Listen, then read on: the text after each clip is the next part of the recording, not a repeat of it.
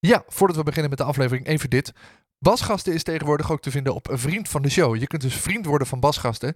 eh, want ik betaal nu mijn reiskosten en mijn Buma-licentie en zo. Dat betaal ik allemaal zelf. Deze podcast levert me niks op. Ik zou het super fijn vinden als je me steunt met een kleine bijdrage. Eh, dan kan ik deze podcast blijven maken. Dus ga naar vriendvandeshow.nl slash basgasten. Word vriend van deze show. En help me om deze podcast voor te blijven zetten. Door naar de aflevering.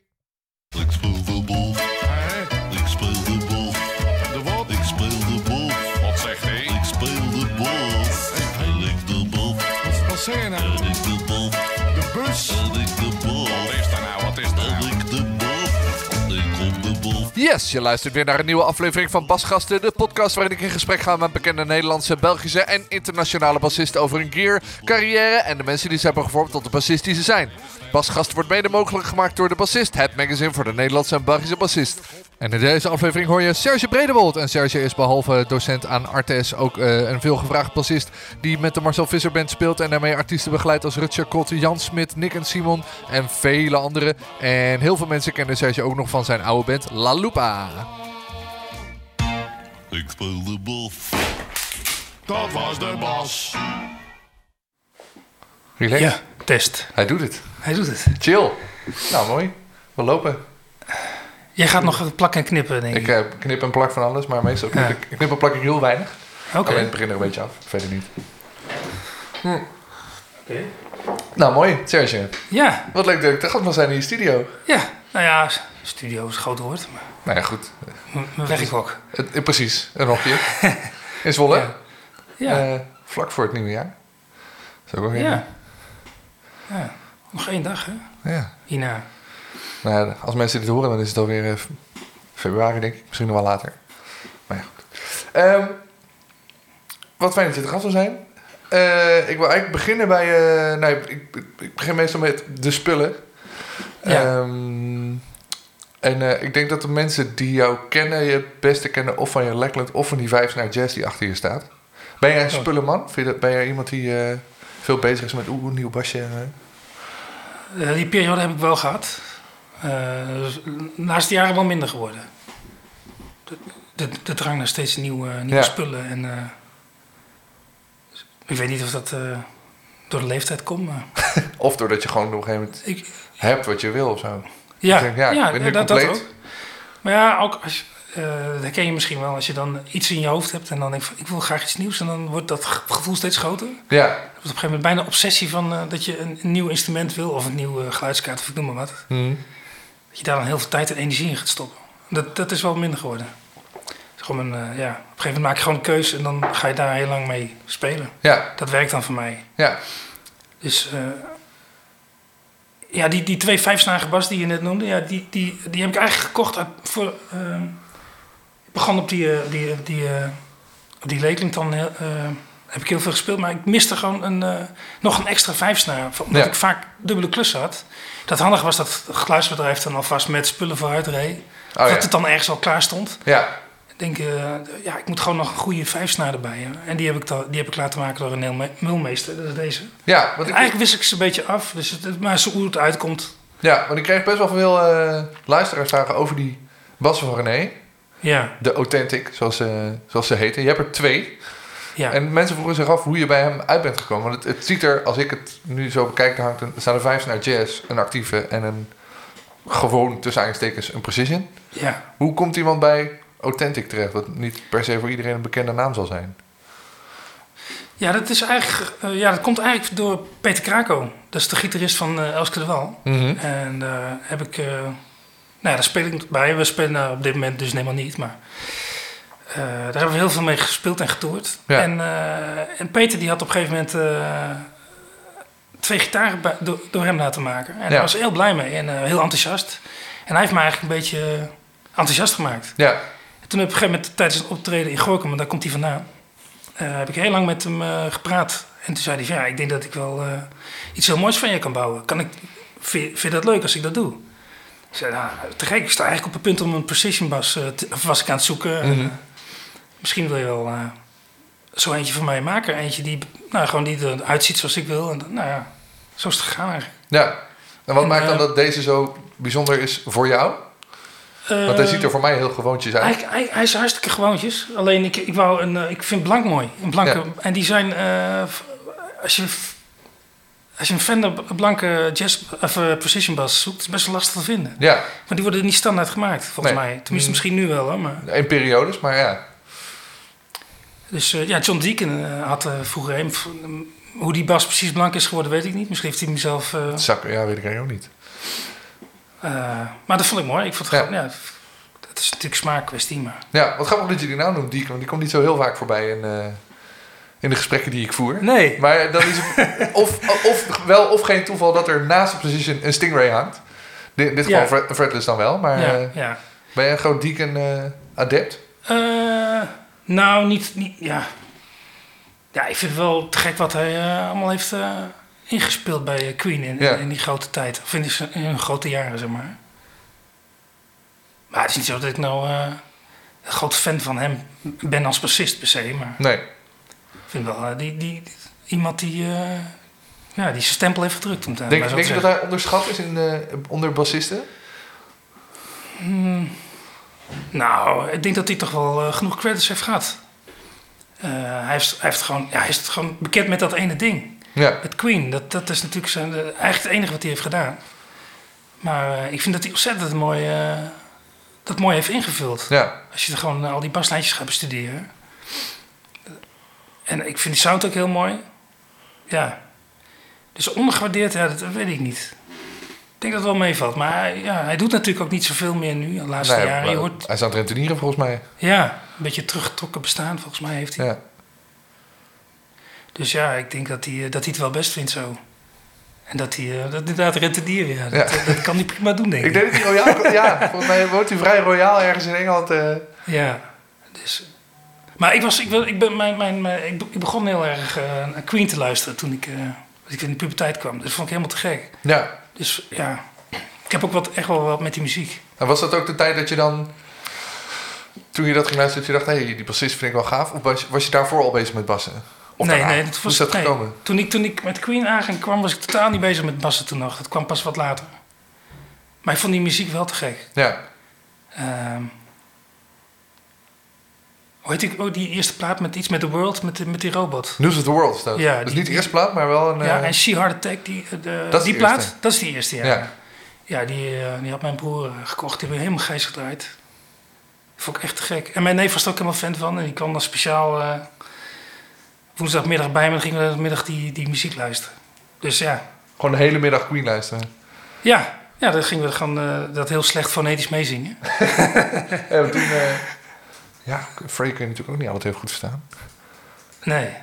Nee, maar mijn Engels was niet echt, eh, wat je zegt. Kun je mij trouwens goed verstaan of niet? Ja, volgens mij wel. Dichterbij is beter, maar eh, prima. Eh, maar je zei toen was ik nieuwe bassen bezig. Toen, toen, dat kwam pas veel later.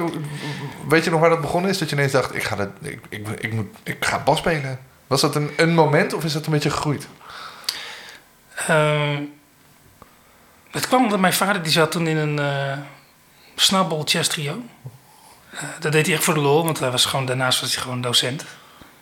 Ehm, en en een van die bandleden, ik geloof dat het de pianist was, die had ook een eh ecobas. Ja. Dat is die bas. Ja, ik, wilde zeggen, ik, ik zag al een eco vioolbas hangen. En dat- soort bassen zit altijd een verhaal aan. Maar dat was dus die bas. Daar kwam mijn vader eh, halverwege de jaren 80, toen ik jaar 14, 15 was, kwam die ermee aanzetten thuis. En eh, mijn broer die drumde al, dat wou ik eigenlijk ook graag doen. Maar dat vonden mijn ouders iets te veel van het goede, twee Ja. drummers in huis. En eh, dacht ik, nou ja, dan ging ik maar een beetje bas spelen. Maar dat was toen nog niet, ik had toen nog niet de intentie van ik ga eh, op basles of ik ga Nee. in de band eh, spelen. Dat, dat, zover was het nog niet. Maar dat was wel, eh, ik had het gezegd tegen een vriendje op de middelbare school, de HAVO. Van, ja, mijn vader kwam met de bas thuis en bla bla. En weer een vriendje van hem, die had dat gehoord. En die zei van, ik heb gehoord dat jij een, een basgitaar hebt. Heb je zin om een, ba- een bandje te beginnen? Zo, zo is het begonnen. Ja. Dus eigenlijk, ja. En dacht je toen meteen van, wow, dit is te gek? Of is dat het, dat je dat ding vastpakt en je dacht, dit is het? Nou ja, je gaat dan, eh, je gaat dan bij elkaar zitten op een uh, door de weekse avond en dan liedjes uitzoeken. En dan wordt het natuurlijk steeds leuker. En dan uh, denk je van, Ja. oh, dat is wat een basgitaar doet. Wat leuk, te gek. En dan van de een komt de ander. En, Weet je nog wat het eerste is wat je hebt uitgezocht toen je ging spelen? Wat je, de eerste liedje wat je kon spelen? Ja, House of New Orleans, denk ik. House of New Orleans. House of Rising Sun. House of Rising Sun, ja, Ja. precies. Sorry. Ja, dat liedje. Ik vind het helemaal geen leuk liedje eigenlijk. Maar dat was een toevallig liedje wat de gitarist kon zingen en spelen. Ja, dat zijn natuurlijk maar vier akkoorden of zo. Vijf. Allemaal op Ja. akkoorden. Ja, ja dat, dus dat, denk dat liedje. En dan misschien nog één of twee, ben ik even vergeten welke. Misschien eentje van de Rolling Stones. Oh ja, Zo, zoiets. beetje de, de gouden ouwe, zeg maar. Ja. Goed, goede vraag trouwens, ja, dit. House of the Rising Sun, denk ik, ja. Ja. Dat is denk ik het eerste liedje wat ik... eh, ja, Wat je kon spelen. ja. Ja, maar was je toen ook meteen bezig met... Oh, vette baspartijtjes was gewoon... Nee, wat een leuk liedje, ik ga daar eens bas bij spelen.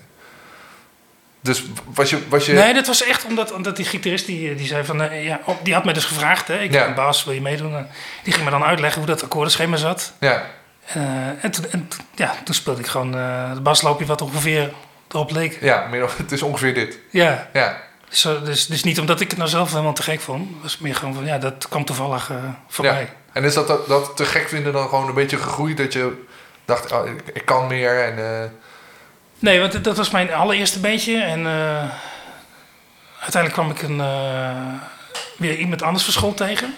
En die, die had ook al een, serie- serieuzer beentje. Of ik daar wel meedoen. En da- daar gingen we echt, eh, toen werd het echt eh, fanatiek. Toen gingen we echt gewoon eh, twee keer in de week bij iemand thuis zitten. ja, Liedjes uitzoeken. Echt een coverbeentje eh, ja, liedjes. Ook van de, van de Beatles, van de Rolling Stones. alles wat toen maar in was. Ja, het, moet ik echt weer diep graven wat voor titels. Maar ja, dat ging echt van de Police, The Cure, alles wat toen in was. ja. Jaren tachtig. Dat is natuurlijk ook wel een periode dat... en ook dat soort bandjes dat basgitaar misschien wat prominenter weer is of zo in de popmuziek. Dus Sting en... eh, Ja, ja ook, maar ook Doe Maar was toen... eh ja, werd ook, was ook heel populair. Ja. Toen nog steeds. Het was het, eh, meest populair volgens mij toen ik in de zesde zat van de lagere school. In Ja. groep acht. Eh, maar ja, dat werd nog steeds heel veel... ja. gelukkig wel zeg. Ik ben er wel blij mee. ja. En we- weet je nog dat je eh, besloot van... Of ik weet niet wat een besluit is wat je erin gerold bent. eh, eh, dit wordt mijn beroep. Ik wil gewoon alleen nog maar dit doen. Ja, dat is wel. op een gegeven moment kwam ik dus met, met, met die jongens in aanraking op de, op de HAVO. Zeg maar HAVO 4, HAVO 5 zat ik toen. En de toetsenist die zat, in, die zat in VWO, die zat niet bij mij in de klas, maar Ja. die zat bij mij op school. Maar de gitarist zat dan weer op een andere middelbare school. En de drummer die zat eh, in de middelbare school in, de- in Lelystad, Basmati. Eh, dat is eigenlijk wat later La Lupa is geworden. Ja, Die band was toen nog iets groter, er zat nog saxofonist bij. En de andere drummer in het begin. Later kwam Basmati daarbij. En eh daar zijn we dan een heel fanatiek coverbandje mee begonnen. ja, dat is eigenlijk wel een leuk verhaal. En toen hebben we een, een week lang hebben we in Lelystad in de fabriek van de vader van de drummer ge- gerepeteerd. wauw. We gaan nu gewoon 20 liedjes instuderen. We worden gewoon de beste coverband van, eh van Kampen en Zolder en omstreken. En eh, dat, eh, dat was eigenlijk de intentie. Maar op, tijdens de uitmarkt, was in Amsterdam, was ook tijdens die week. Toen, heeft, toen zijn we naar de Dam gegaan. Want er speelden de Red Hot Chili Peppers en de Bob Collar. Wauw. Dus toen heb ik de Red Hot Chili Peppers live zien spelen in 1989. Op de Dam. En daar waren we zo van onder de indruk. Van, Ja. shit, dat, dat, dat moeten we gaan doen, dat is veel gaver. En dat was toen eigenlijk toen de Chili Peppers nog een soort halve punkband was. Toch? Althans, het, het, het was nog wel ja, wat ja, ja. ruiger. eh, ruiger ja, het was, het was, ja, het was meer, ja, het is nu wat commerciëler inderdaad, Ja. zeker. Ja, dus, maar dat was, er kwam zoveel energie vanaf, van helemaal te gek. Ik vond, ik vond het sleppen helemaal geweldig, wat Flea deed. Ja, En uh, ja, toen we dat er helemaal een nieuwe, nieuw ding in ging, ja, ging helemaal in die muziek storten. En uh, ja, dan kom je bij een dance squad uit en dan weet ik veel wat er allemaal toen, uh, was zoveel wat er toen uh, aan crossover muziek was. ja. En toen gingen we echt twee keer, drie keer in de week repeteren. We waren helemaal fanatiek. We waren ook echt een hele hechte vriendenclub. We deden alles samen. Ja, en uh, de, toen hebben we een uh, demo opgenomen. En uh, die was best goed gelukt. Opgestuurd. Grote prijs van Nederland gewonnen. Ja. In 1990. Uh, ik, denk, ik denk dat dat, dat wel genoeg reden was om te, te, denken van... Ja, misschien moet ik dit maar, hier maar mee doorgaan. Ja. Nou, het grappige is dat je La Lupa aan het doen. Want ik vraag dan op, altijd op mijn, uh, op mijn Facebook van... Joh, zijn er nog mensen die een vraag hebben voor... Hè? En de- die naam werd toch vrij vaak wel genoemd van... ja, ik heb ze nog gezien en eh, dat weten weinig mensen meer. Toen dacht ik, nou, er zijn relatief veel mensen die die naam nu noemen. Maar dat zit Ja. toch nog steeds wel in de hoofden van veel mensen, die band. Ja, ik denk, ja. Nou, ik denk wel de, de 40-plussers, eh 45-plussers misschien wel. Ja, Want we zijn toch wel best wel vroeg gestopt. In 1994 al gestopt of zo. Dus Ja. dan op een gegeven moment als je heel lang niks meer van je laat horen... Ja, dan zakt het gewoon weg. ja, maar toch zijn er nog steeds mensen die als ze jouw naam horen... nog steeds denken, La Lupa, dat was, eh, dat Ja. was iets. Ja, nee, maar dat was ook, ja. We waren toen zo fanatiek. En we, en na het winnen van die grote prijs hebben we geloof ik wel, eh honderd keer gespeeld het jaar daarna. Ja. Het jaar daarna nog. Op een gegeven moment wordt het allemaal wat eh, minder, maar ja, het, eh, op een gegeven moment dan, eh, eh, moet je ook gaan kiezen, ja, wat ga ik nou doen met mijn leven? Ik moet toch een soort van opleiding doen. Ja, Eh, dus ik, ik weet nog toen, eh, eh, toen ik moest kiezen, was of schooljournalistiek of eh vooropleiding conservatorium. Want ik, ik had gewoon echt weinig theoretische bagage. ja, maar toen was ik dus uitgeloot voor, voor schooljournalistiek. Dus ik was bij, bij de laatste drie die er niet opkwamen, zeg maar. Dus als ik, dan, als ik nou wel was aangenomen, had ik misschien, was ik misschien, hier niet gezeten? had ik misschien hier niet gezeten, nee. En toen zei mijn, eh, mijn hoe noem je dat ook weer, decaan? Zo? Nou, ja, ja of... eh, Ja, nou, maakt niet uit. Die zei van ja, maar ga dan eh, in ieder geval uh, vooropleiding conservatorium doen. Ja. Toen samen gedaan en toen werd ik aangenomen in Zwolle vooropleiding. ja. Ja, zo is het, zo is het gegaan eigenlijk. Weet je nog wat je speelde op je toelating? Dat vind ik zo, dat, in mijn hoofd is dat zo'n ding van... Op mijn toelating weet ik nog exact welke nummers ik speelde. Ja, ik heb toen uh, Teamtown gespeeld in een hele eigen versie. Totaal was- andere versie van. Wat was er eigen aan... Wat, Dus ik, had- ik had zo, alleen, eh, weet ik veel, de eerste vier loopjes. Ja, En, en daar is een hele nieuwe eigen funkversie van gemaakt. Met allemaal, eh, wel vanuit, eh, vanuit die vier akkoorden, zeg maar. ja. Dat, dat heb ik toen gespeeld. Eh, maar het was wel een soort hele leuke grooveje of zo. Ja, ik weet, dat is te ver weggezakt wat het Ja. nou precies was. Maar Nee, precies. Maar speelde ik alleen met de gitarist samen. Met z'n tweeën deed dat. Dus dat, dat kan ik me nog herinneren. Dat heb ik gespeeld. Eh, ja, waarschijnlijk heb ik iets van een jazzbluesje gespeeld. Ja. Iets wat, wat, wat dan eh, in de ij- ijzer stond. Dus eh, ik heb toen echt een soort spoedcursus genomen Ja, bij eh Barry Selles. Die ken ik al heel lang van de kamper. Eh, die gaf iedereen in de kamper die eh, gitaar speelde of basgitaar speelde les. Wauw. Ja, Barry Selles. En die is vorig jaar overleden. Dat is- hem trouwens daar, die foto rechts. Oh, ja. ja. Ehm, en die eh, heeft me alles uitgelegd over trappen en over, eh, nou ja, alles wat belangrijk was in zijn ogen. Ja, en Wat je alles zou wat je moest weten. weten ook voor die toelating natuurlijk. Ja. Eh, maar het was niet goed genoeg in ieder geval om het eerste jaar te beginnen, maar wel goed genoeg om een vooropleiding te doen. Dus Ja. nou ja, zo is het eigenlijk begonnen. En bij wie had je toen les op, toen je in Zwolle zat? Wim Essert. Wim Essert, die, eh, dat was de enige docent daar toen. Ja. En ik heb eigenlijk alleen, we hebben eigenlijk alleen maar zijn met contrabas alleen maar bezig geweest. Vond je dat Dus, jammer? Of, je- of denk je, nou ja, achteraf heb ik wel... eh, Ehm, want er staat er, ik zie er nog wel eentje in de hoek staan. Ja. Een beetje als het straf heeft, maar ja, dat is meer praktische. Ja, anders valt hij om. Ja, maar anders neemt hij ook veel ruimte in. ja dat is ook ja. Eh, vind je dat jammer? Ja, ik vond het op een gegeven moment toch wel jammer, ja. Maar ik kan me ook wel Want voorstellen dat je op basgitaar speelt en denkt... Ja, maar hallo, ik wil Ja. basgitaar spelen. Eh, het is wel, nou ja, niet, niet- ik vind Wim Essert vond ik een te gekke docent. Hij heeft heel, daar heb ik echt gewoon heel veel van geleerd. Eh, eh, ook een, een prachtig mens trouwens. Alleen op een gegeven moment begon het wel een beetje te, te kriebelen. Denk, Ja. ik- en ik wist van nou, mensen die waren van Zwolle naar Hilversum gegaan... dat daar gewoon heel veel aan de hand was. En heel, er waren heel veel basgitaristen die daar les hadden. En daar had je wel basgitaardocenten. Ja, En eh, toen ben ik zeg maar wel na het derde jaar... Ja, ben ik, ben ik toch overgestapt naar Hilversum. Dat had daar wel mee te maken. ja, Maar dat had ook met, met de school op zich te maken. Want het was gewoon toen een vrij kleine afdeling. Ik was met drie, twee andere bassisten. Hadden wij al het werk in Zwolle. ja. Dus het was ook wel heel comfortabel om daar te zitten. Want je kreeg toch wel al het werk. Je ja, zat meteen in de big band. En, eh, Ja, dus ik, ik, ik, was, ik had voor mijn gevoel was toe, toe aan meer uitdaging. ja. Dus dat was na een jaar of drie. Ja. En was het moeilijk om in Hilversum een soort van nu ertussen te voegen? Want ik ben er ook na, na derde jaar naar een ander consortium gegaan. En dan weet je toch, mensen hebben een beetje, een, beetje in die drie jaar een kliekje gevormd. En die, die, die kennen elkaar. En er zijn een soort van vaste combinaties met, nou ja, in het geval van bassisten met drummers.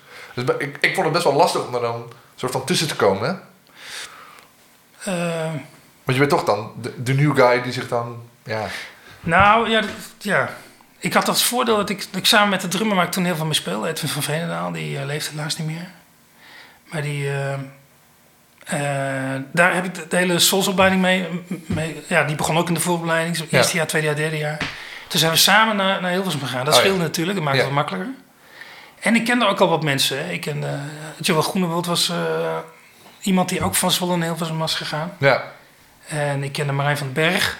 Die, eh, die zat in, eh, in eh, Hilversum. Dus ik, ik, daar speelde ik toen ook al mee. ja, Dus ik kende al wel mensen. Dat scheelt natuurlijk wel. ja. En Joost Verschaai kende ik al, die drummer. Dus ik kende al best wel veel mensen. Ja, ja, dat maakt het wel wat makkelijker. ja. En ik ging, ook gewoon, ik ging ook meteen gewoon de vol erin. Ik ging meteen, al, alles waarvoor ik werd gevraagd, ging ik meteen doen. Ja, Ik ging meteen in een Rob Matna, Rob Matna combo, jazz combo zitten. Ook al vond ik dat hartstikke moeilijk. ja. ja, is het ook. En eh, en ik, ik, ik kwam vrij snel in de big band, omdat ik Joost Verschaai kende. Die, Oh ja. eh, die had mij gezegd, ja, ik wil wel graag die bassist erbij hebben. Dus ik zat meteen in de big band. En eh, best wel eng. Een goede big band st- stonden toen al goed bekend. Ja, En nou ja, en zo, en het, ik zat dus best wel snel in, in de... ja dus je Ja. kende net even de goede mensen, zeg maar, om Ja. daar een beetje in te voegen. Dus ik had al vri- vrij snel ja, best veel beentjes daar of zo. Ja, en wat was, toch er dan, gevraagd voor eindexamens, dus dat ja. wat was er dan eng aan de big band? Was het lezen of gewoon die jazzmuziek spelen? Of, eh?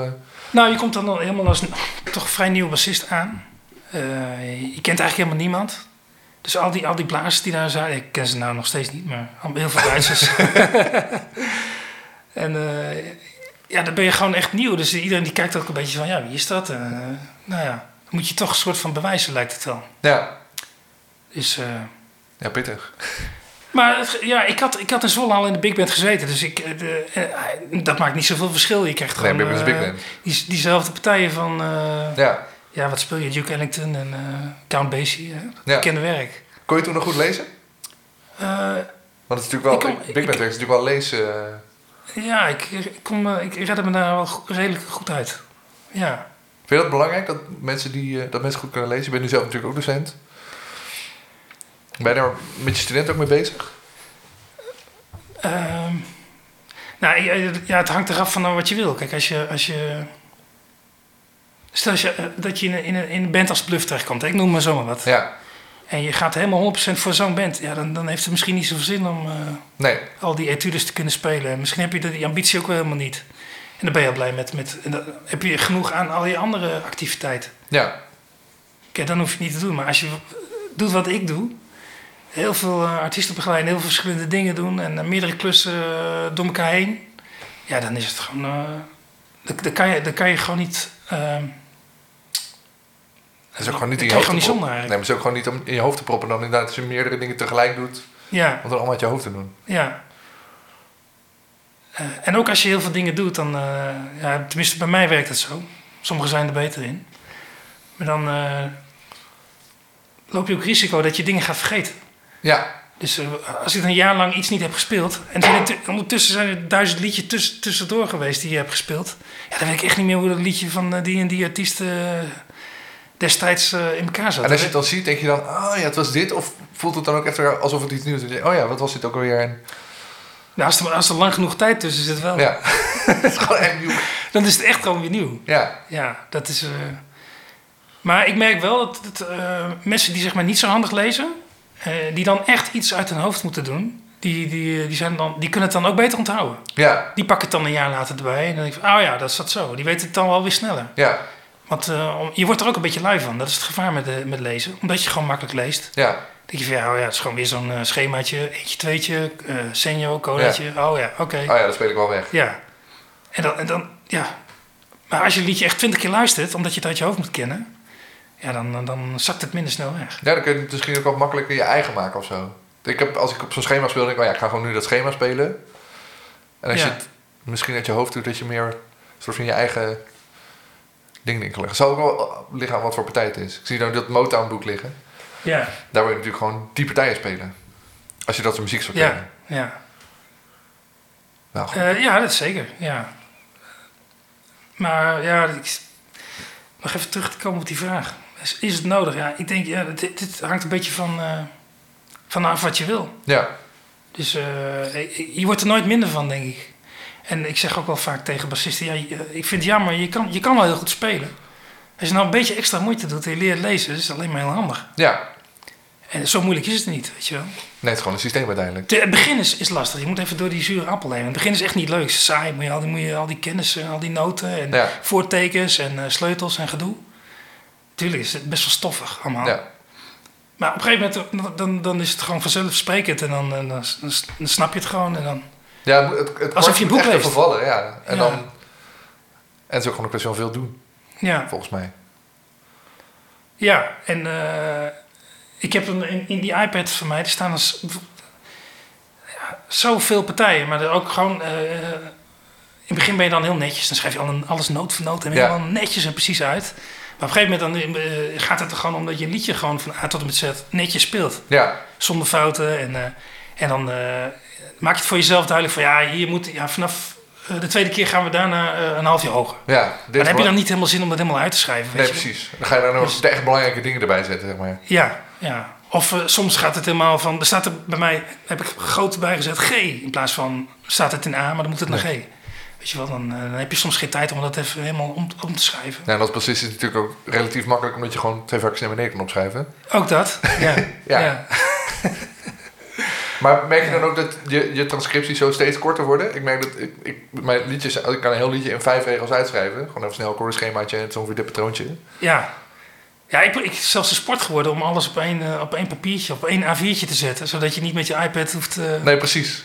Ja, soms kan dat niet. Dat is gewoon te veel informatie. Of er is een hele lange medley of wat dan ook. Dan kan Ja. het gewoon niet. Nee, precies.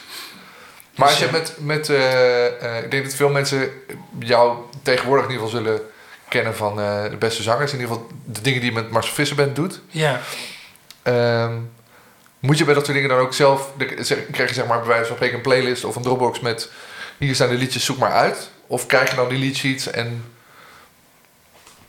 ja dat varieert een beetje per, per klus. Maar, eh, meestal gaat het inderdaad via WeTransfer. ja, En dan de dingen die we allemaal... Meestal hebben we, heb je al de helft al een keer gedaan. Dus dat is een beetje zinloos om dan om dat nog een keer op te sturen. ja, Maar soms gebeurt dat wel. Bijvoorbeeld, eh eh, voorbeeld, George Baker. Daar krijg je dan elke keer weer diezelfde partij van gestuurd. ik kreeg zo opnieuw opgestuurd.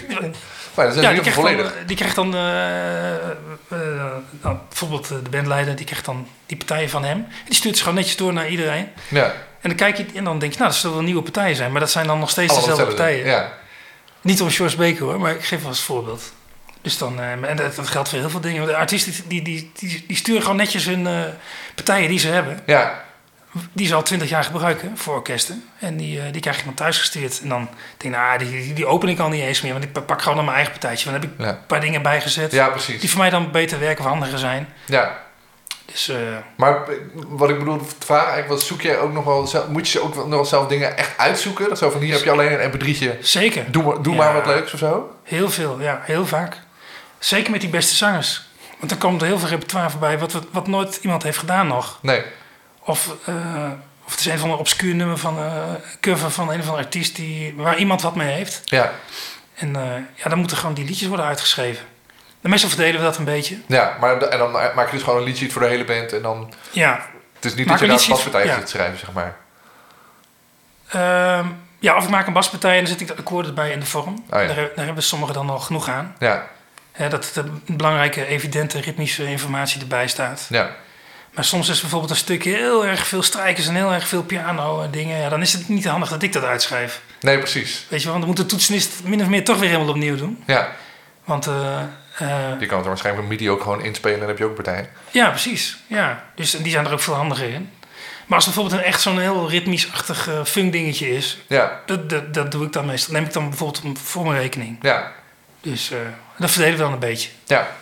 En, en eh, eh, nou ja, je zat dus in, in, in Hilversum en hoe, ik ben dan toch wel benieuwd. Ik denk dat het een, je zou het vast vaker verteld hebben, maar hoe komt een jongen uit Kampen via Hilversum in Volendam terecht? Of althans, Oh, hoe kom je, dus, dus, dus ik denk, je begeleidt best wel veel Volendamse artiesten. Eh, als ik achter me kijk, zie ik ook een, een gouden plaat van, van Jan Smit hangen bijvoorbeeld. Naast het portret van Jacco. Hij moet toch ja. ja, ik moet ze nog steeds even ophangen. Maar... Maar hoe, eh, Hoe komt, hoe, hoe komt iemand bij die artiesten terecht? Nou, het, de Volendam-connectie zit, zit hem bij Jaap Kwakman. Oh ja. Ehm, die ken ik eigenlijk al heel lang vanaf eh, de tijd met Twarres. Want we hebben bij eh Arnold Muur hebben we een keer plaat opgenomen. CD2 heet die van Twarres. Eh, dat is denk ik 2000 geweest. Ja. 2001, zo die kant op. En toen zaten we gewoon eh, een paar weken bij Muren. Eh, niet eh, achter elkaar, maar gewoon Ja. in die tijd dat die plaat werd opgenomen. En eh, Jaap Kwakman was toen ook al een soort van eh, vaste gast in de, eh, daar. Die kwam daar gewoon koffie drinken of die kwam gezellig buurten. Ja. En eh, die heeft ook volgens mij dingetjes ingespeeld toen voor die plaat. Als dat dan eventjes, ah, dat is leuk om even een, eh, Ja, speel even mee. een tokkeltje. Ja. Ja. Jaap Kwakman heb. En die, die speelde toen natuurlijk ook fantastisch al. Ja. Nog steeds natuurlijk. Ja, en ehm, daar ken ik Jaap Kwakman eigenlijk van. Dus eigenlijk via Mirjam Tim van, van Twarres. En Ja. ga ik van Twarres. En toen eh Twarres uit elkaar ging, toen is Mirjam voor dezelfde begonnen. Meer heette Ja. dat. En toen, eh, toen is die band ook een beetje van samenstelling veranderd. Want toen kwam Jaap Kwakman in de band.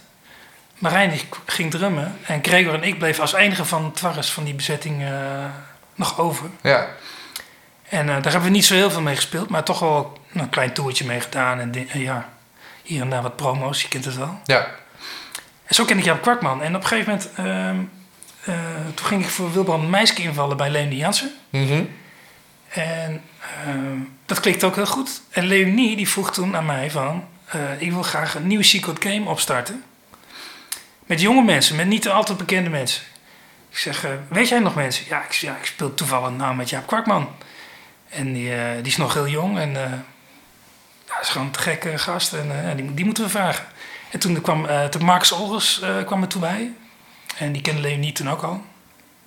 Eh Marcus Olgers, Jaap Kwakman. Toen zei ik van, ja, ik wil wel graag Marijn van den Berg erbij. Dus, Ja. Dat is mijn mattie. en Dus toen Ik speel altijd, doe ik alles. Ja. Marijn is een soort... ja. Die vonden ze eigenlijk ook al een beetje een te grote cat voor. Maar, eh, want die deed toen ook al heel veel grote dingen. Maar die kwam, dat werd de nieuwe band van Secret Game. En daar hebben we toen eh, ja, best wel grote tour mee gedaan. Ja. En, eh, en op een gegeven moment, eh, halverwege die tour, zei Jaap Kwakman tijdens het eten tegen mij en Marcus en eh, Marijn. Ja, ik, gisteren stond Jan Smit aan de deur. Of ik een nieuwe band wil vormen als bandleider. Jullie zitten mee te doen. Nou, zo ging het. Ja. En toen zei ik, ja, tuurlijk. Leuk. Ja, was het meteen een... Ja, nou, tuurlijk. ja, ja, ja, ja, eigenlijk wel. Ik kan me... Ja. Bedoel, ik wil niks afdoen aan de muziek van Jan Smit, maar ik kan me voorstellen dat sommige muzikanten denken, ja, maar daar ga ik niet aan beginnen. Dan sta ik bij Ja. van spreken de hele Nou, avond dat- dat- spelen. Dat was in, eh, ja, dat zal hij niet erg vinden, denk ik, als ik het zeg. Maar Marcus die zei ja, nee, dat, eh, dat is voor mij, gaat mij echt, eh, dat staat te ver van mij af. Ja, Dat ga ik niet doen. maar wat die dan dat, dat, dat jij zei, ja, natuurlijk doe ik dat.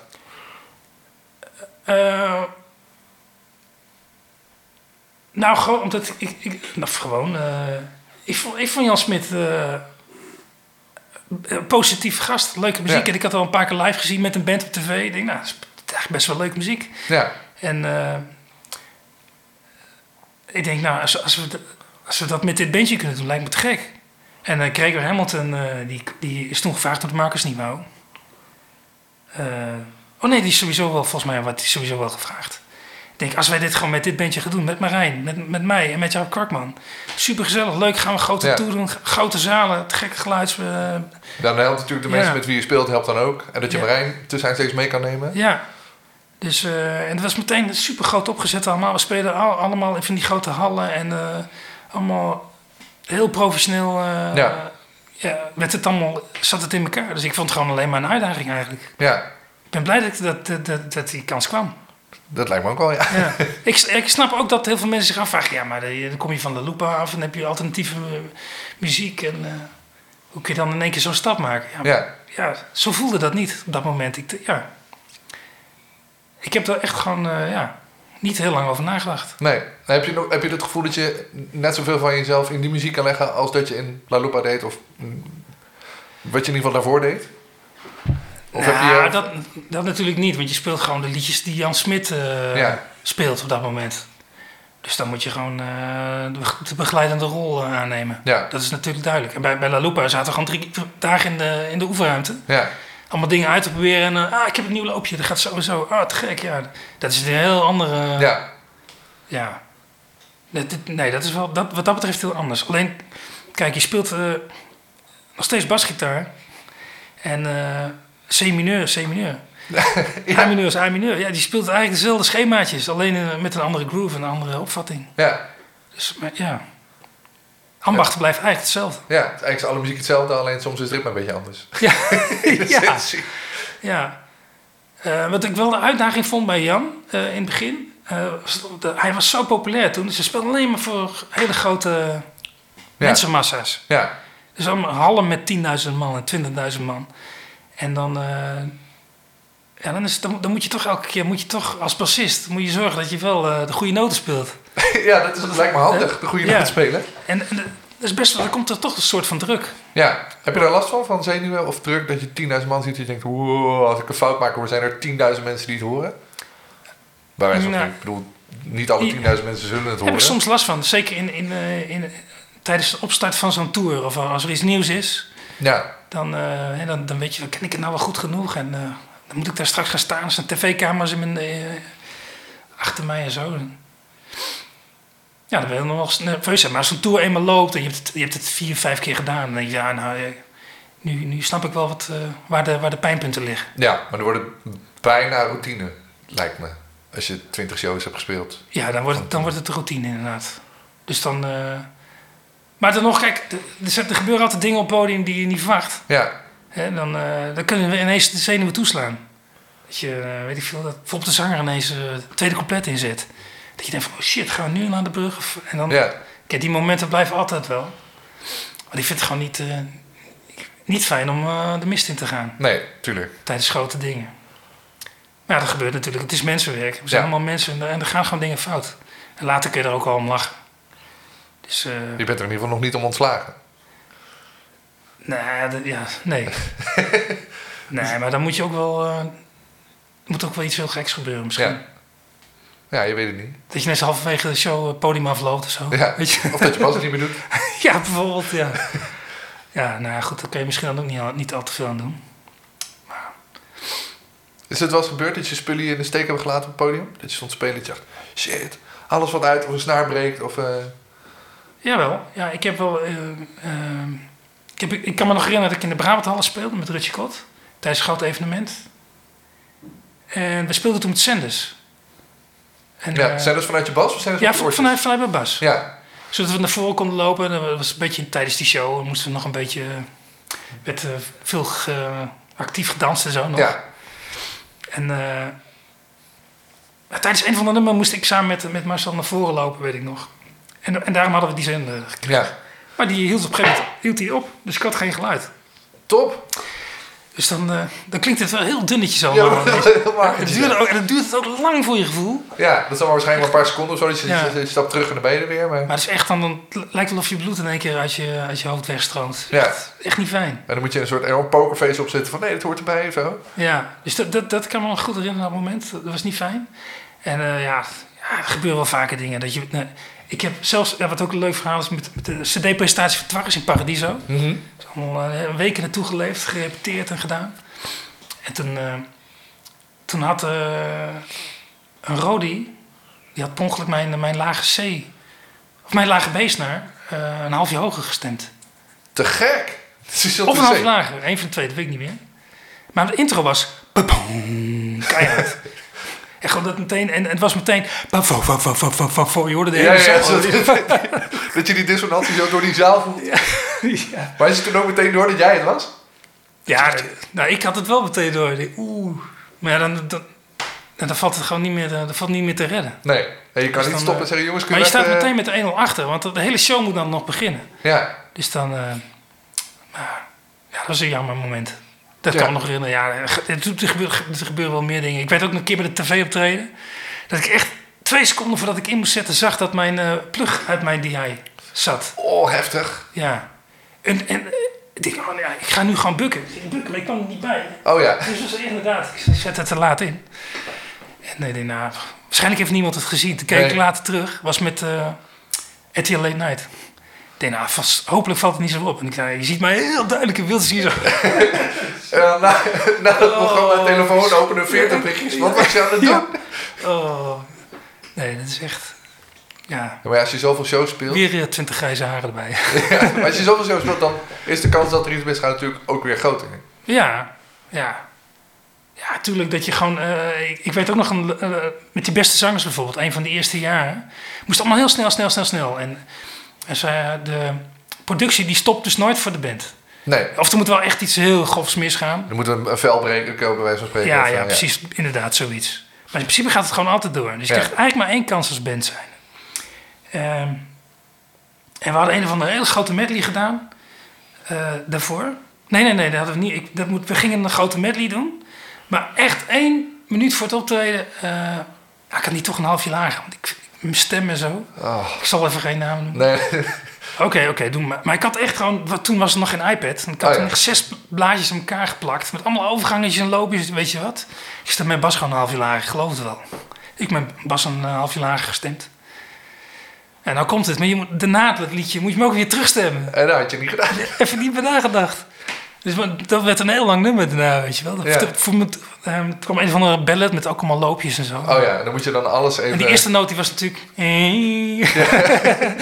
en dan oh, nadenken van, oh ja, nou, nou, kijken nou komt erbij hoor. Ja. Maar dan, eh, ja, dan, dat was niet, dat was niet relaxed.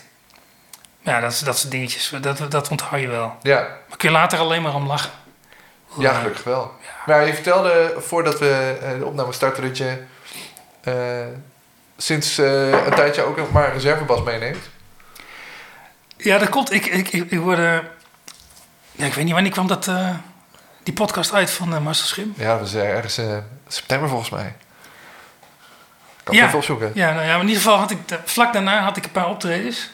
En ik, eh, ik was inderdaad, eh, op een gegeven moment nam ik steeds maar Eind één oktober was het. Ja. Ik had die geluisterd, een hele leuke podcast vond ik dat trouwens. En ik, had, eh, eh, ik nam toen ook altijd maar één bas mee. Toen ik dat hoorde, dacht ik, hé, hey, toch maar weer mijn reservebas meenemen. Ja. Ja, het zal maar gebeuren. hè. Dat is echt... Maar dat is je dus nooit overkomen. Dat, het, e- dat, je- dat je echt je bas het begaf. Of batterij leeg of weet ik veel. Ja, ik heb, dit is maar één keer gebeurd. Ook eh, heel lang geleden. Eh, tijdens een optreden met Twarres. Ik speelde in Naaldwijk. En dat is vanaf van Zwolle echt, een, eh, echt heel ver. Ja, Twee uur rijden of zo, ik weet niet. Maar goed, lang echt in ieder geval. Lang rijden in ieder geval. In ieder geval was het geen optie om eh, Even naar huis te gaan. even naar huis te rijden voor een nieuwe bas halen. Maar ik had, maar ik had mijn bas van mij, alleen hij deed niks. Er was iets mis. Er was iets mis met de elektronische circuit. Ik weet niet, ik weet niet meer technisch iets verhaal. Ja, draait Ik kreeg, kreeg hem niet aan de praat. Dus ik moest gewoon, ik denk, nou, ik moet gewoon nu een bas regelen waar iemand in de buurt is. Dan ga je iedereen die je kent uit de buurt, ga je Ja. bellen. En eh, Yveske was het toen, was de, de violiste. En eh, die, die, eh, die, woonde, nou, die woonde toen nog redelijk in de buurt. En Clemens van der Veen, Ja, die had toen een basgitaar. En die had een hele goedkope uh, Fender Jazz bas. Nep bas. Die mocht ik wel lenen. Ik was zo blij. Ik was lang blij dat ik een bas, Ja. mocht lenen. Dus uh, toen heb ik op die bas gespeeld. En dat was prima. Dus de, ja. Die is die van mij gered die avond. maar daarna dacht je nog steeds niet. Ik neem een reservebas mee naar een optreden. Jawel, jawel. Sindsdien heb ik heel lang een reservebas mee, uh, meegenomen. Uh, die gaat eigenlijk altijd met ons geluidsbeleid ook standaard van mee hoor. Ja. Die, uh, maar, maar ook heel, heel vaak neem ik gewoon maar één bas mee. Dan uh, weet je, als het voor een promotje is voor de radio of voor tv, ja, denk ja. Als er dan, dan een snaar breekt, dan is, het toch, dan is er toch niks meer te redden. Want nee. dan is het live of weet ik veel. Dan, maar ja, vanaf nu neem ik wel een reservebas. dus Marcel, als je luistert. ja, bedankt. ja. Hey, nog even over je, over je uh, collectie. Ik, ik, als er een vintage Fender is, moet ik altijd even, uh, moet ik hem even benoemen. Een hele bijzondere burst lijkt het. Hij is een beetje licht of zo. Het is jazzbas uit, gokje, 76? Deze is uit 74. 74? Ja. Was het dus een soort, niet, uh... zoals bij veel bassisten, een soort droom om zo'n oude bak te hebben? Of? Ja, ik, heb, ik, wou, ik, heb, ik wou er al heel lang heen. En ja, op een gegeven moment... Uh... Ik, ik heb hiervoor ik heb ook een andere jazzbas ge gehad. Die heb ik nou weggedaan. Daar speelde ik echt uh, nooit op. En die, ja. Maar... Uh, ik, de, deze zag er heel mooi uit toen ik hem kocht. Ja. Hij ziet er nou niet meer mooi uit. Ja, nog steeds denk ik. Ik denk dat veel mensen... Nou, je denken, ziet nou heel veel, heel veel plekken en heel veel ja. plekken. Maar toen zag hij er echt als nieuw uit. Ja. En ik vond hem gewoon, nou, ik vond het gewoon een super mooi bas. En uh, ik wou gewoon zo'n eentje hebben. Dus die heb ik toen bij Kees D gekocht. Ik, dacht, echt, ik weet niet, ik zou niet meer weten wanneer. Ik denk nog in mijn Hilversum periode. Ja, tijd. Amersfoort. Ja. Ik weet niet of het nog bestaat trouwens. Ja, bestaat nog steeds. Ja. Althans, nou ja, nu zijn ze dicht, maar eh, Ja. ik, hoop, ik hoop dat ze weer open gaan. Ja, dus eh, ja, hele fijne bas. En daar heb ik met al mijn eh, hobby en funkbandjes gebruik ik die bas heel veel. Ja. Maar meestal met die hele commerciële dingen die ik dan op tv doe, kom ik meestal met die bas niet. Nee, gek is dat Niet- hoe dat werkt, ja. hè? Dat je dan toch een soort van smooth, een soort van wat smoothere sound nodig hebt dan zo'n eh Ja, wat hoekige eh, oude Fender of zo. ja maar ik, ben toch, ook- ik vind het toch ook wel een eh vijfsnarige. die- Ik ga toch wel die lage B missen dan. Ja. merk ja, ik. gebruik je die zoveel? Ja, gewoon best wel met, met stevige eindjes. En ja. Gewoon af en toe een laag C erin, omdat het lekker is. ja, het hoeft natuurlijk niet per se, maar ik ben er gewoon wel aan gehecht. Ja. Ik ben toch eerder geneigd om die vijfsnaar mee te nemen met die eh, grotere klussen. Ja. Maar dat hoeft natuurlijk niet per se. Ik Ik, eh, het hangt ook- een beetje, hangt een beetje vanaf wie, wie er dan... eh, als ik dan zie een lijstje van de namen die meedoen... Dan, eh, uh, bij Jan Smit heb ik gewoon echt gewoon de loopjes... Die, die, die, die- heb je gewoon die beestnaar nodig. Ja, en ik kan me wel, voorstellen dat als je het zo vaak doet, zo'n vijfsnaar meenemen en je neemt een viersnaar mee, dat je toch denkt, gewoon puur het automatisme, ik mis iets. Soort van het gevoel van, ik heb altijd een beetje, die, je hebt die brede hals mee en het ziet er zo uit en het voelt zo, dat als je dan eens een viersnaar gaat meenemen, dat het totaal raar is. Terwijl je prima wat er gevraagd wordt, kan spelen op dat ding. Ja, maar het went ook wel snel, moet ik zeggen. Want die kan heel, heel snel eh, eh, dat vertalen naar een octave hoger. Of- Nou ja. Dus dat, dat, valt wel mee. Daar heb, ik niet zo, daar heb ik niet zo moeite mee. Het is meer gewoon van eh, de keus van het moment dat je van huis wegrijdt. Welke bas neem ik mee? Ja, Ja, dan, dan kies ik dan toch sneller die. ja. Gewoon eh, dan heb je gewoon ja, heb je Dan meer, je heb je meer, je- meer kleurtjes. ja. Dat en je weet het zeker dat als je nodig hebt, dat je hem hebt. Ja, precies. Dat is. laagsnaar. En die bas is ook. eh, eh, bij zo'n bas maak je ook meer, meer, heb je ook meer risico dat je allemaal eh, brommetjes en zo hebt. Ja, Heb gemerkt. En als je dan veel in. dat noemen mensen dan charmant of authentiek, maar ik noem het ook gewoon storend. Ja, dus dan zit je in Hilversum in de studio en dan met heel veel licht en zo. Ja, En dan hoor je weer van, ja, ik heb wel een klein brommetje op de bas. Ja. Oh ja, ja, Ja, ja, ja. top. Ja. En dan he- helpt eh aardlift helpt niet. Nee, dus dat, ja, dat is ook een beetje, ja, eigenlijk moet je daar dikke scheid aan hebben natuurlijk. Ja, maar daar hebben we, zeker bij de radio geluidstechnici niet altijd dik scheid aan. Nee. Ik vind het gewoon vervelend. nee en ook, an- trouwens ook een ander punt is dat eh, als je veel met dezelfde geluidstechnici werkt, die, die zijn ook al, die, die zijn ook een bepaald geluid van jou gewend en die hechten daar ook wel aan. Als je dan ineens met totaal wat anders eh, komt, dat kan wel natuurlijk, maar Ja, dan. eh, kijk, ze zijn gewoon gewend van. Dat is de band, die, die sound hebben ze. En die, die, die, toen- dan schuif je ze allemaal open. En die. eh, dus die. die ja, die wil je ook een soort van te vriend houden. ja, Dus als het goed werkt en je, je krijgt dan feedback van die geluidsmensen. Ja, dat klinkt helemaal te gek. En nou ja, dan. Waarom zou je dat veranderen? Ja. Dat is het ook een beetje. Heb je wel een soort grap Dus ik, ik, ik, meegenomen? hoorde, ik hoorde van Ch- Charlie, die podcast heb ik even geluisterd. Dat hij ook al, ik weet niet hoe lang op die bas speelt. Ja. Maar dat snap ik wel. Gewoon omdat, het, eh, omdat hij een beetje naar je toe groeit. Dat Ja. geluid, eh, dit, dit is gewoon onderdeel van, van, van jouw sound. Ja, want Marcel ook, dat hij al 100 Ja. jaar op die status speelt Ja, natuurlijk. precies. Ja. Dus eh, dat snap ik wel. ja. Heb je wel voor de grap die Eco meegenomen? Nee, nee maar dat, komt, dat durf ik echt niet op te spelen. Nu, zelfs Nee? nu niet, nee. Ik denk niet eens dat er nog geluid uit komt. Uit. Ik weet niet, eh, het het ding is al honderd keer verhuisd. Ja. Dus, eh, en ik weet niet hoe vaak gevallen. Dus hij hangt er meer als, eh, Ja, is eerst als uit decoratie en als Ja. nostalgie. Ja. Ja, die doe ik gewoon niet meer weg. Dat is van, van mijn eerste bandje. ja. Illegal heette dat beetje. Ja. Zoals we allemaal wel een beetje denkt, die panda was niet per se nodig. dat, dat, dat ding. En weet je nog wat de eerste serieuze was, was die je had? Want dit is natuurlijk, deze had je dan gekregen en zo, maar op een gegeven moment moet je dan misschien wel van je conservatoriumdocent of eh, daarvoor. Zo, dat zeg ja, je moet dat toch wel. eh, Ja, ik heb, mijn eerste serieuze bas was een Musicman Stingray. Vier snaar, zwarte. je kan slechter beginnen. Maar dat had ook te maken met omdat ik die grote prijs van Nederland had toen gewonnen. Ja. Ik had toen ook nog een persoonlijke prijs gewonnen. En dat was, eh, ik weet het niet 100% zeker, maar volgens mij was dat een eh, redelijk goedkope Washburn. Eh Servaas Muziekhandel Den Haag. Zet nou, ja, jongens? nou ja, dat, eh, ik denk dat iedereen de, de onverwoestbare stickers van zijn vaas wel voorbij Ja. komen. ja. Maar die, eh, die hadden volgens mij die bas ter beschikking gesteld voor de grote prijs van Nederland. Oh ja. 100% zeker weet ik, niet, weet ik het niet, maar volgens mij wel. En ik dacht van ja, maar als ik nu toch een bas heb gewonnen, dan, dan ruil ik er gewoon in voor een bas die ik echt wil.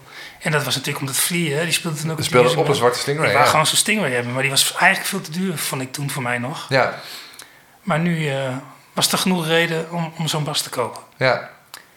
Dus eh, dat heb ik toen gedaan. Dat, was- dat was mijn, daar heb ik heel lang op gespeeld. Die is toen nog een keer gestolen, die bas. Te gek. Heerlijk. Nee, Echt verschrikkelijk. ja, was verschrikkelijk. Maar ik was gelukkig verzekerd. Dus ik heb toen precies zo'nzelfde bas teruggekocht, alleen een blanke. Daar heb ik toen ook heel lang op gespeeld. Maar die is niet meer teruggevonden, dus die zwarte. Nee, nee, die is nooit teruggevonden. Daar heb ik iemand blij mee gemaakt. Of niet blij dat Ja. weet ik niet meer. Nee, die is uit de auto eh gejat. Ja, Dat lijkt me echt verschrikkelijk. Dat je zo je ruitje ingetikt en je denkt, Ja. dat zal toch niet? ja dat is... Maar wel, dat was wel gebeurd. Ja. was even sne- setje snaar halen bij een muziekwinkel. Dat In, in, in, in een kwartier tijd. Ja. En ben je dan nu, ik kan me ook voorstellen dat je dan nu zo iemand bent die een soort van obsessief altijd zijn bas uit zijn auto haalt. Ook als, als je even zetje snaren haalt of even tanken of weet ik veel. Ja, nou, er zijn uitzonderingen, maar in principe wel haal ik me altijd eh, uit mijn auto, ja. Dus eh, het hangt er ook een beetje vanaf. eh, ja, nee, in principe, ja, ik heb, ja, als je met een, met een bandbus bent Ja. en die bus die rij je met, met, de, met de laadklep tegen de muur aan, achteruit. En je moet de volgende dag heel veel weg. Ja, oké. En en er zit helemaal voor in die bus. Dan, Ja, wel. dan kan het. Maar ik kan me voorstellen dat het nu misschien iets makkelijker is omdat je bas regelmatig met geluidsbedrijven meegaat. Ja, Dus gewoon denkt, ja. zoek het uit. Ja. Dus, eh, maar ik neem in principe altijd mee. Ook, eh, ik laat hem liever ook niet eh, ergens in de studio staan. Of ergens in een oefenruimte, waar dan ook. Er zal maar ingebroken worden. Ja. Dus zo- zoveel moeite is het toch niet om, om Nee. hem even mee te tillen. Oeh. Dus, maar goed, hij kan natuurlijk hier ook gestolen worden. Dat is, ja. Ja, maar ja, ja, het voelt toch veiliger als hij dan hier aan de muur hangt. En, eh, ja. ja. Maar het is ook niet zo, denk ik, dat mijn leven in elkaar stort eh, als er een bas wordt gestolen. Eh, Nee, Het is- nou hangt er denk ik een beetje hè? vanaf welke het is. Als die eco gejat wordt, denk ik wel ja, je- het- je wordt er niet vrolijk van. Nee, Maar het, is natuurlijk, het zijn spullen die vervangbaar zijn natuurlijk. Dus, maar ik weet niet of iedereen daarmee eens is hoor. ik zou wel verdrietig worden. als een Ja. aantal dingen... Nou ja, maar ja, maar ja. in essentie, als je er rationeel naar kijkt, het is allemaal vervangbaar. ja. Ja, Maar je leest af en toe lees je een verhaal hè, dat er weer een bus is. Of, en dan, eh, ja, dan denk ik van ja, je moet er ook niet te lang in blijven hangen denk ik. nee. Nee, nee ik, ik zag inderdaad ook wel een tijdje geleden... eh, mensen die dan na vijf jaar nog steeds aan het zoeken zijn naar een gitaar. hè. Ja. En dan, ja. Hey, ik heb een vraag van een luisteraar, Pito. En die vraagt: eh, Wat had je vroeger anders gedaan in je spel nu je weet wat je nu weet? Dus als je nu terugkijkt op wat je 20 jaar geleden deed, had je dan. Wat had je nu tegen je 20 jaar jongeren zelf gezegd van hé, hey, let even hierop als je iets gaat doen of als je gaat spelen? Nou, leuke vraag. Nou, ik denk dat eh, als ik die oude demo's nog wel eens terugluister van de Lupa, dan denk ik van jongen, je speelt nou al twee, eh, twee minuten dezelfde lik. Dat had best wel eh, wat meer variatie in gewogen. Ja? Dat, die- die bagage heb ik nu, natuurlijk nu meer dan, dan toen. Ja. Dan eh, zou- ik iets, of misschien iets, iets, iets meer, ja, inderdaad, iets meer variaties, of iets meer filletjes. Ja. Wees iets creatiever, zeg maar. Ja, misschien iets meer, iets wat, iets, iets spannender, avontuurlijkere loopjes. Ja. En, eh, maar dat, dat heeft gewoon met, te maken met dat je die bagage op dat moment nog niet zo groot is. Ja. Die vocabulaire nog niet... eh, Ik vind het wel grappig dat je dat noemt van iets meer variatie en iets meer village. Want het is natuurlijk in, in de muziek die je bijvoorbeeld met, eh, met Jan Smit en met Nicolas Hiemel speelt en zo. Dat zijn natuurlijk redelijk vastomlijnde liedjes. Ehm, vind je het belangrijk om je eigen soort van handtekening op zo'n liedje te zetten? Dat als je iets speelt, dat je denkt, ik wil wel dat als ik dit terugluister, denk ik, ah, dat was ik. En doe je, ben je daar, in hoeverre ben je daar bewust mee bezig als je zoiets speelt met die mensen? Of bij de beste zangers of noem maar op. Ja, dat, oké, dat is wel een verschil. Want als ik, als ik bij ehm, als Jan, Jan Smit een tour doe en we spelen die liedjes van die plaat, die heb ik dan zelf niet ingespeeld. Nee. Dan hou ik me in principe gewoon zoveel mogelijk aan die partij. Alleen al- als ik denk, van, ja, dit is wel echt wel veel leuker, dan, dan doe ik dat stiekem wel. Ja. Maar als ik iets inspeel, dan, dan, eh, dan, heb ik wel de neiging om er iets moois van te maken. Ja. Denk van ja, dan probeer ik iets waarvan ik denk, nou, dit, eh, dit kan het wel hebben. En dan. eh, ik heb wel een soort van vaste opbouw. Ik Denk meestal, meestal hè, bij coupletjes hou ik, dan hou ik hem dan redelijk in. En na, naarmate het liedje vordert, dan eh, voeg ik wel leuke di- een filletje toe of een. eh, Ja, Weet je wel? Of meestal zegt een producer dan van... ja, je mag daar wat meer, mag daar meer loopjes doen hoor. Kom, maar- kom maar op. Het is Ja, lekker, lekker, lekker. Ja, ja, Gordon Groot hè, bijvoorbeeld. Daar spreek ik regelmatig dingen voor in. ja. Die, eh, die zegt van ja, mag veel meer, mag veel meer. Laat, laat je maar gaan, laat je maar gaan. Ik knip het er allemaal wel uit als het te veel is. wat Dus dan, eh, ja. Maar dat vind ik soms ook wel moeilijk. Ik denk, ja, maar moet de gast nou spelen dan, weet je wel? Ik, ik zou dit eh, als eerste kiezen. Nou ja, oké, laat, laat ik eens proberen. En dan, ja, te gek word je dan. Nou, Oké, oké. En dan hoor je het later terug en dan denk je van, oh ja, ja, ik snap het Ik wel. snap wat u bedoelt, ja. Ja. Dan, maar als ik bijvoorbeeld thuis dingen inspeel en ik, ik hoor dat later terug, denk ik ook wel soms van, ah, daar had ik misschien nu, waar had ik bij- wel iets meer mogen geven, dat tweede couplet. Ja. Of daarin meer in de hoogte kunnen gaan.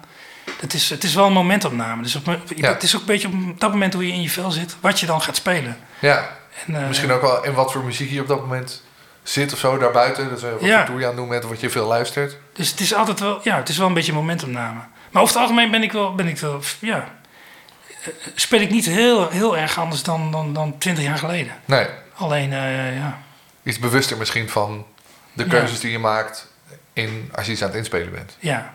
Eh, Plus, ik weet nu, eh, eh, t- volgens mij is het als, als bassist heel handig als je, als je, niet alleen je timing, de timing is heel belangrijk, maar de timing van, van wanneer je een, iets, iets meer doet dan, Ja, dus kan, niet alleen de timing van je noten, maar ook ja. van je likje wat je waar Ja, plaatst. Dat je niet meteen al, al meteen in het begin van een liedje al heel druk of, of echt al heel veel statements maakt. Ja, Maar dat het een beetje mooi. eh, je moet echt je, plek, je momenten pakken. Tenminste, dat vind, dat vind ik. nou ja, en de ruimte proberen te, horen, eh, proberen te vinden van... ja, precies. En dat is ook natuurlijk een samenwerking met, met, met, met, met de drummer bijvoorbeeld. Of met, Ja. met de toetsenist of gitarist. Als iedereen op hetzelfde moment steeds een filletje doet, dan wordt de muziek heel onrustig. Ik kan me ook wel voorstellen dat je na zoveel jaar met Marijn samenspelen... dat niet eens meer, er niet eens meer op hoeft te letten. Dat het automatisch is. Eh, nou, het is nog steeds wel. Natuurlijk wel. Het is nog steeds wel dat je op elkaar moet reageren. Dus als, Ja. als, hij, als hij veel doet, dan eh, denk ik van, oh ja, misschien is het dan handiger dat ik nu eh, even. Ja, tuurlijk. Maar Weet je wel? als je al zo lang met iemand samenspeelt... dan voel je dat denk ik wel makkelijk aan of zo. Dan hoef je niet heel bewust te zitten luisteren van... oké, even, ik ben benieuwd Ja. of hij hier een veel gaat spelen. Dat voel je gewoon aankomen. Ja, qua spelen is het, is het, eh, gaat dat inderdaad heel, gaat dat wel vanzelf na, na zoveel jaar. Dat is, tuurlijk scheelt dat. Maar gewoon, het, het gaat om heel veel dingen. Bijvoorbeeld Ja. eh, alleen het aftellen al. Weet je wel? Eh, als je heel veel met elkaar wil, eh, werkt, dan wordt het gewoon allemaal efficiënter. Ja, Dus dan ga je niet een heel liedje doornemen als het niet per se hoeft. Jongens, laten we even van de bridge pakken, want de rest weten we wel. Ja. Daar, dat is veranderd. Hè? Dat iedereen gewoon zeker weet van, ah, zo zit het. alleen de belangrijke punten Even de belangrijke punten. En dan gewoon aftellen, niet eh 1, 2, 1, 2, nee. Stukken dakken doen, doen. Ja, Weet je wel, zo. Ja, Met tv-dingen en zo. Waarom zou het allemaal zo lang moeten duren? ja, Da- daar word je gewoon steeds beter in als je heel veel met elkaar speelt. ja. Dus dat... eh, Veel doen eh, dus. hoe, Gewoon. kwam, hoe kwam ik hier nou bij? Nee, het ging over wat, je, wat voor handtekening je onder je muziek zet als, als muzikant en hoe je dat dan in Ja. samenwerking met die drummer doet. ja, En dat je dus inderdaad elkaar steeds makkelijk eh, eh, aanvoelt in... Oké, als hij dit doet, dan zetten we hierin. Of, nou ja, ja het is- een beetje actie-reactie. ja, Dus als, als hij bijvoorbeeld heel heftig op een heftig bridge gedeelte heel hard op die crash gaat rammen. Hè, en eh, op zijn op zijn base voor een floor, eh, of nee, eh, op zijn base of eh, elke kwart, eh, ja. Ja. dan ga ik gewoon lekker meepompen. Dat werkt dan gewoon goed. ja, Eh, dat soort dingen, dus dat, je reageert wel op elkaar. ja, Dus, eh, en dat is, dat is bijvoorbeeld met die beste zangers, eh, heb je vaak heel weinig tijd om, om iets te verzinnen. Dus dan moet je heel erg gewoon op een moment eh, iets, iets leuks verzinnen. En soms Ja. werkt het helemaal te gek en soms werkt het weer niet. En dan, eh, ja. Dus de ene keer lukt het beter dan de andere keer. ja, Dus eh, ja. Maar het is wel, de, het werkt goed als je met veel mensen, vaak, vaak met dezelfde mensen speelt. ja, Dan wordt het niet slechter van in ieder geval. Dan wordt het gewoon meer een geheel. ja.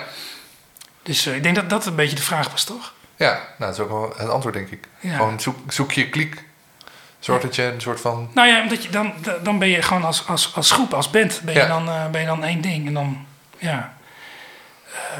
hoewel het ook niet verkeerd is om met andere mensen te werken. Nee, natuurlijk. Maar het is ook fijn om, het is in ieder geval fijn om, zeker als je met mensen, als je een, een, een bepaalde klus vaak doet, omdat het ook dan vaak met dezelfde mensen te doen. Ja, je weet wat je aan elkaar hebt en zo. Ja. En, je- ja.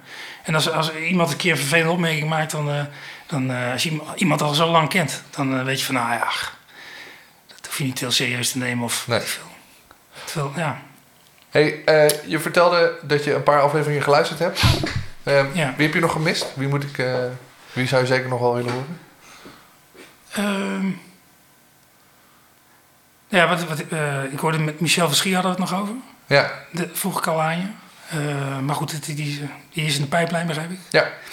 Ehm, ja, ik heb, ik heb Arend Kersberg heb ik bijvoorbeeld ook niet gezien. Daar heb ik wel contact mee gezocht, maar eh, nog niks teruggehoord. Maar Aram, als je luistert. Ja, die, eh, ja dat vind ik een, een te gekke bassist. Ja, Ehm Wilbert Meisker heb ik nog niet gezien. goeie.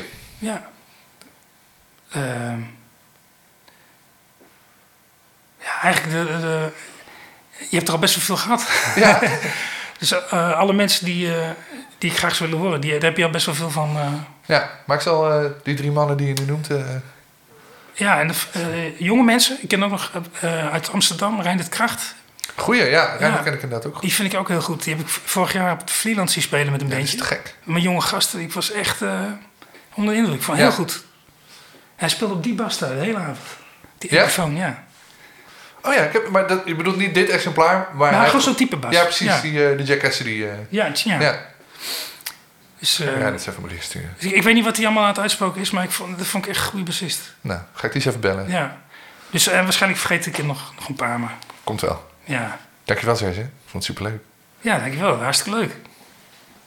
Je luistert naar een gesprek dat ik had met Serge Bredewold. Vond je dit een leuke podcast? Abonneer je dan via je favoriete podcastkanaal. Laat een reviewtje achter op iTunes, zodat mensen de podcast beter kunnen vinden. En vergeet vooral de Basgasten playlist op Spotify niet te checken. En laat een berichtje achter op de Basgasten Facebook. Over twee weken hoor je Sharon Nachtzaam. Ik speel de bos. Dat was de bas.